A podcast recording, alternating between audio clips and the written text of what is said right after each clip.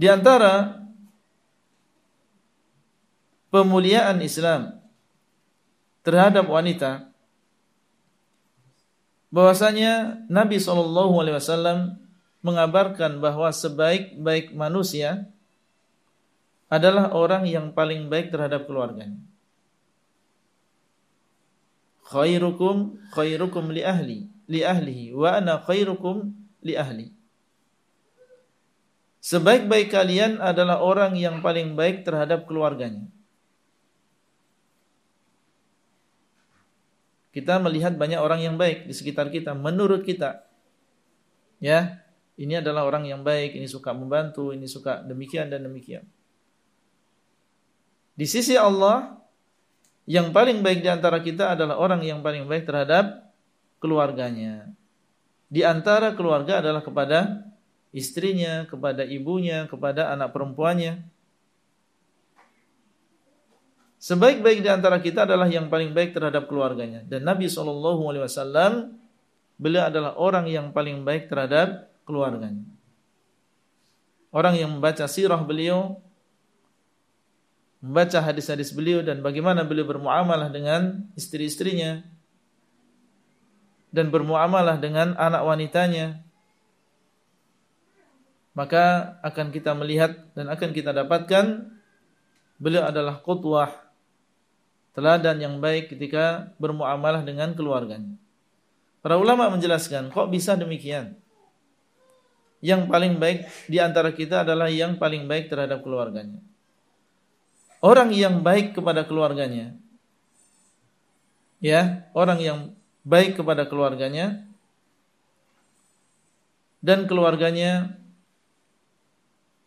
mengakui bahwasanya dia adalah orang yang baik terhadap keluarga, maka orang yang demikian pasti akan berbuat baik kepada orang lain. Ya, orang yang benar-benar baik kepada keluarganya, kepada istrinya, khususnya yang setiap hari melihatnya, senantiasa bersamanya, mengetahui luar dalamnya. Ternyata dia memiliki akhlak yang baik kepada istrinya. Ya ternyata dia memiliki akhlak yang baik kepada istrinya. Maka itu akan tercermin di dalam akhlak dia kepada orang lain.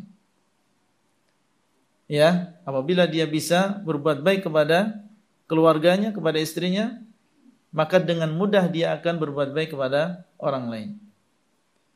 Orang kalau hanya ketemu sekali dua kali ya tidak bisa mengetahui akhlak yang sebenarnya. Ya kita bertemu dengan seseorang sekali dua kali ya kita tidak bisa me mengenal akhlak dia yang sebenarnya. Mungkin dia bisa berbuat baik kepada kita ya sebentar. Tapi seseorang setiap hari dan di dalam rumah yang sama dan masing-masing mengetahui luar dalam ya uh, suaminya mengetahui luar dalam istrinya Kemudian dia berakhlak baik dengan akhlak yang mulia. Ini menunjukkan tentang kebenaran akhlaknya. Makanya beliau sallallahu alaihi wasallam mengatakan, sebaik-baik kalian adalah orang yang paling baik kepada istrinya. Dan aku, kata beliau, adalah orang yang paling baik kepada istrinya. Karena orang yang sudah terbiasa dan dia mempraktikkan dalam kehidupan sehari-hari berbuat kepada orang yang paling dekat dengannya, maka dia akan uh, tercermin akhlaknya yang baik tadi kepada orang lain. Taib. Kalau antum melihat hadis ini, bagaimana ya Nabi saw